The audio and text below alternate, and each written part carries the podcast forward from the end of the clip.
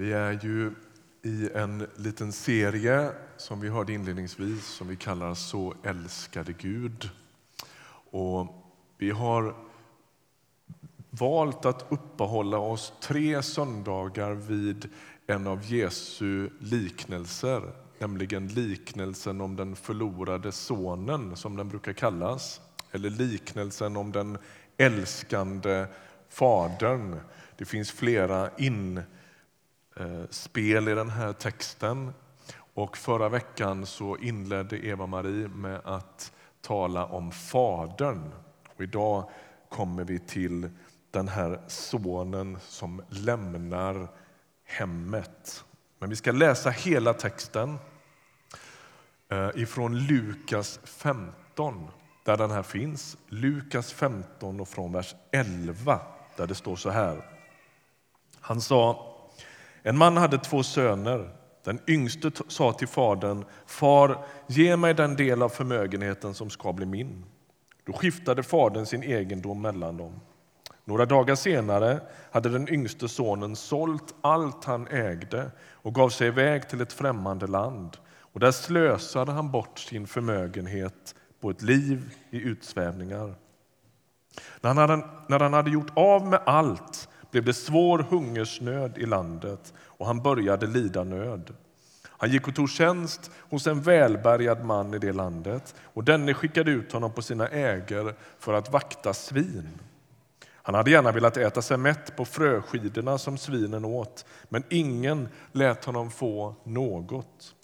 Då kom han till besinning och tänkte hur många daglönare hos min far har inte mat i överflöd och här svälter jag ihjäl. Jag ger mig av hem till min far och säger till honom, far, jag har syndat mot himlen och mot dig. Jag är inte längre värd att kallas din son. Låt mig få gå som en av dina daglönare. Och han gav sig av hem till sin far. Redan på långt håll fick fadern syn på honom. Han fylldes av medlidande och sprang emot honom och omfamnade och kysste honom. Sonen sa, far, jag har syndat mot himlen och mot dig. Jag är inte längre värd att kallas din son.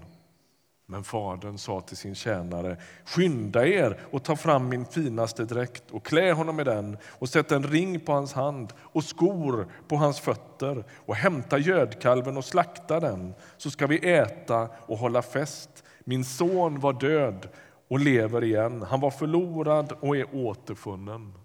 Och festen började.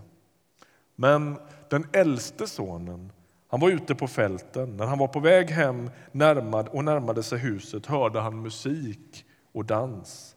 Han kallade på en av tjänarna och frågade vad som stod på. Tjänaren svarade, din bror har kommit hem och din far har låtit slakta gödkalven därför att han har fått tillbaka honom välbehållen. Då blev han arg och ville inte gå in. Fadern kom ut och försökte tala honom till rätta, men han svarade Här har jag tjänat dig i alla dessa år och aldrig överträtt något av dina bud. Och mig har du aldrig gett ens en killing att festa på med mina vänner. Men när han kommer hem, din son som har levt upp din egendom tillsammans med horor, då slaktar du gödkalven. Fadern sa till honom, mitt barn, du är alltid hos mig och allt mitt är ditt. Men nu måste vi hålla fest och vara glada, för din bror var död och lever igen. Han var förlorad och är återfunnen. Jesus berättar ju ofta liknelser och idén med det är ju att han använder ett ganska välkänt bildspråk eller en välkänd vardagssituation för att beskriva något annat. Till exempel om hur Gud är, hur Gud ser på oss människor.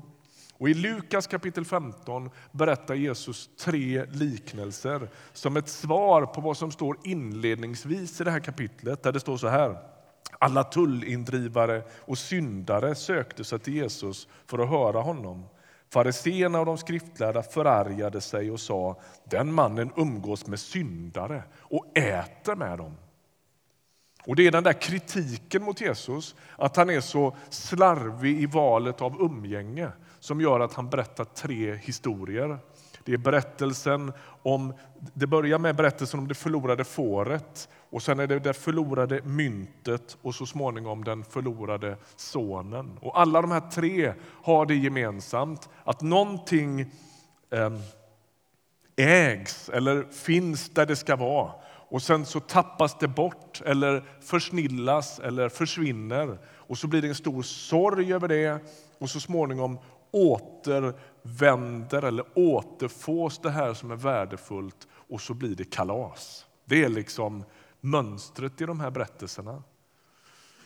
Ehm, och förra veckan så predikade ju Ea om vad som händer när den yngre sonen ber att få ut sitt arv i förväg. Och det Jesus målar i den här berättelsen det är inte någon slags flummig idé om att det inte finns något rätt eller fel. Det är inte så att han säger att de här människorna, syndarna och tullindrivarna i början av den här berättelsen egentligen har gjort rätt. Eller att det egentligen inte spelar någon större roll hur man lever. Det är ju inte poängen. Utan han målar bilden inte minst i den här sista berättelsen, av syndens konsekvenser. Men också, och viktigast, bilden av barmhärtighetens konsekvenser. Vad händer i mötet med den gode guden? Han beskriver hur Guds barmhärtighet och Guds upprättelse alltid väger tyngre än det människan har gjort sig skyldig till. Allt det där som vi lägger i ena vågskålen av skuld och synd och skam och bortgjordhet och gudlöshet och besvikelse på oss själva eller vad det nu än är. Det ligger här och väger en del. Det är inte så att han säger att det inte spelar någon roll. Det som är poängen är att sen lägger han Guds barmhärtighet i den andra vågskålen och den väger alltid tyngre. Det är grejen.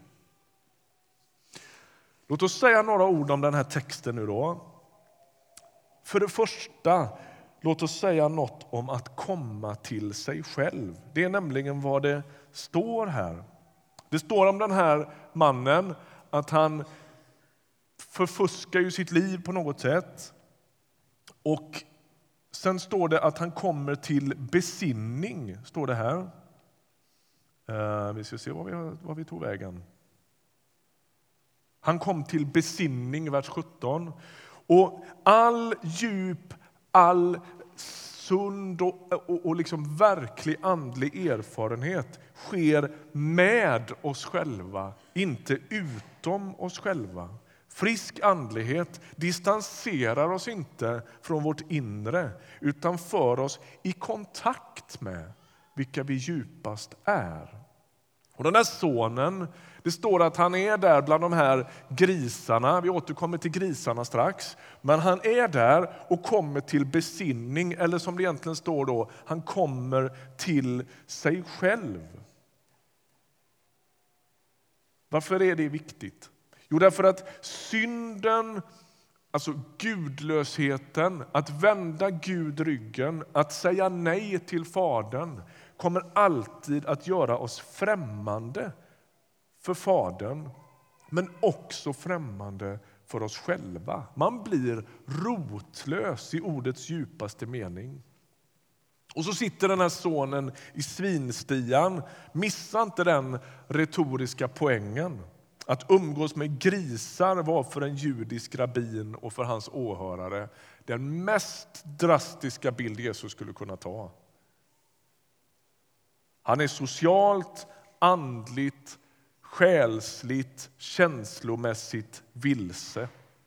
För oss är ju en gris kanske möjligen lite ofräsch och smutsig men för juden är de rituellt orena. Och Det är liksom som att Jesus målar själva sinnebilden av ett förfuskat, diskvalificerat liv. Det är så här när, när fariseerna i början av den här, det här kapitlet säger han äter med syndare så är syndare förmodligen, tror man, ett slags samlingsnamn på alla de människor som av olika skäl är utestängda ur templet. Det kan man vara på grund av sin livsstil, det kan man vara på grund av en del andra livsöden som kan drabba en människa. Så är man inte kvalificerad att vara där, utan man är utestängd. Och det är dem som Jesus hänger med. Och därför är det ingen tillfällighet att han berättar om, om sonen som lever bland grisarna. Alltså han blir fullständigt omöjlig i ett tempel. Eller i vilken judisk kontext som möjligt. Det går inte att skita ner sig mer än så i en judisk begreppsvärld. Och texten talar om hur han har förskingrat sin egen substans. Alltså han är så vilse att han har tappat bort Fadern, men han har också tappat bort sig själv. I jakten på tillfredsställelse och mening gick han så bort sig att han förskingrade sig själv. Och när sonen inser hur läget är så står det att han kommer till sig själv, eller han kommer till besinning. Inte kommer till sig själv som i någon slags postmodern och lyssna till ditt hjärta och du vet så här. Inte den. Glöm den. Utan snarare att han blir myndig. Han börjar ta ansvar för sitt liv. Han skyller inte på någon annan, utan inser sitt eget ansvar. En syndabekännelse. Att säga jag har gjort fel förminskar inte en människa, utan tvärtom. Det är då man återfår sin värdighet som människa. Jag skyller inte på någon. Jag tar ansvar. Förlåt. Det rätar på en människa.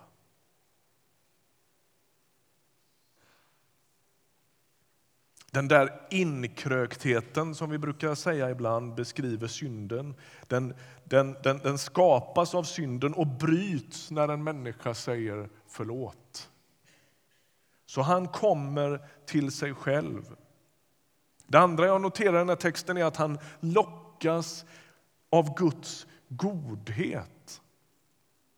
Det här är ju en berättelse som vi skulle kunna läsa lite på autopilot på ett sätt, men det är viktigt att förstå vad den inte säger.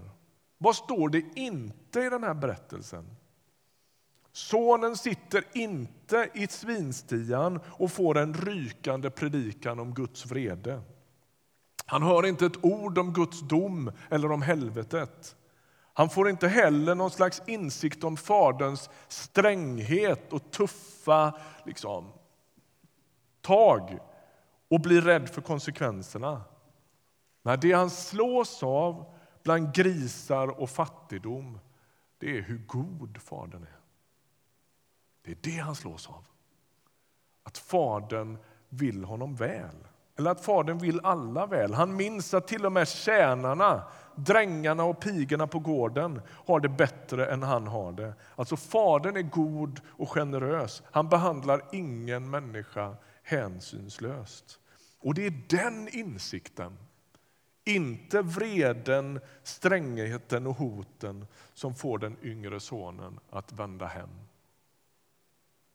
Jag tror det är så att för att bryta med sitt destruktiva liv behöver man inte en ehm, utskällning, man behöver få smak på godheten. Jag hörde en berättelse en gång om en man som har levt i nazistiska kretsar i USA. Han var full med tatueringar med hakkors och en massa såna här symboler och grejer. Och så kommer han in på McDonalds en dag och blir serverad av en äldre svart kvinna. Och han går fram lite provocerande, sådär, sätter händerna på disken och det är fullt med, med hakkors och grejer på händerna. Och så säger hon så här. Honey, you're much better than that. Vännen, du är bättre än så här. Ungefär va? Och så berättar den här killen långt senare hur det där bryter någonting i hans liv. Någon kommer med barmhärtighet. Och det kommer från ett så oväntat håll att han inte kan skaka det av sig. Godheten för till omvändelse, säger Bibeln. Så han vänder hem. Och då upptäcker han mer godhet än man kan ana. För trots att det är den där känslan av att Fadern är god som driver honom hem så uppstår något, eller möts han av något som han absolut inte kunde förbereda sig på. Fadern vill inte höra talas om någon anställningsintervju för att bli dräng på gården. Nej, han som har förslösat allt får sin ställning och sin bortslösade storhet tillbaka. Det finns en fin, ett, ett tjusigt uttryck i Saltaren där det står så här. Psalm 71. Överge mig inte, o Gud, när jag är gammal och mitt hår har grånat. Låt mig förkunna din kraft för nya släkten. Din makt och trofasthet, o Gud, når upp till skyarna. Du som gör stora ting, Gud, vem är som du? Svåra öden har du låtit drabba mig, men du ska ge mig mitt liv på nytt och åter dra upp mig ur djupen. Ge mig min storhet tillbaka. Låt mig bli trygg igen. Vi tänker ju ibland att friheten från alla liksom, relationer, från Gud, från alla måsten, från vad det nu skulle kunna vara, eh, gör oss större. Att kristen tro liksom har krympt oss och när vi distanserar oss från Gud blir vi mer oss själva. Men det är tvärtom. Det är Gud som ger oss vår storhet tillbaka. Det är han som kan få en människa att räta på ryggen igen och bli det man var tänkt att bli. Ser du den där sonen nersölad av sina dåliga val?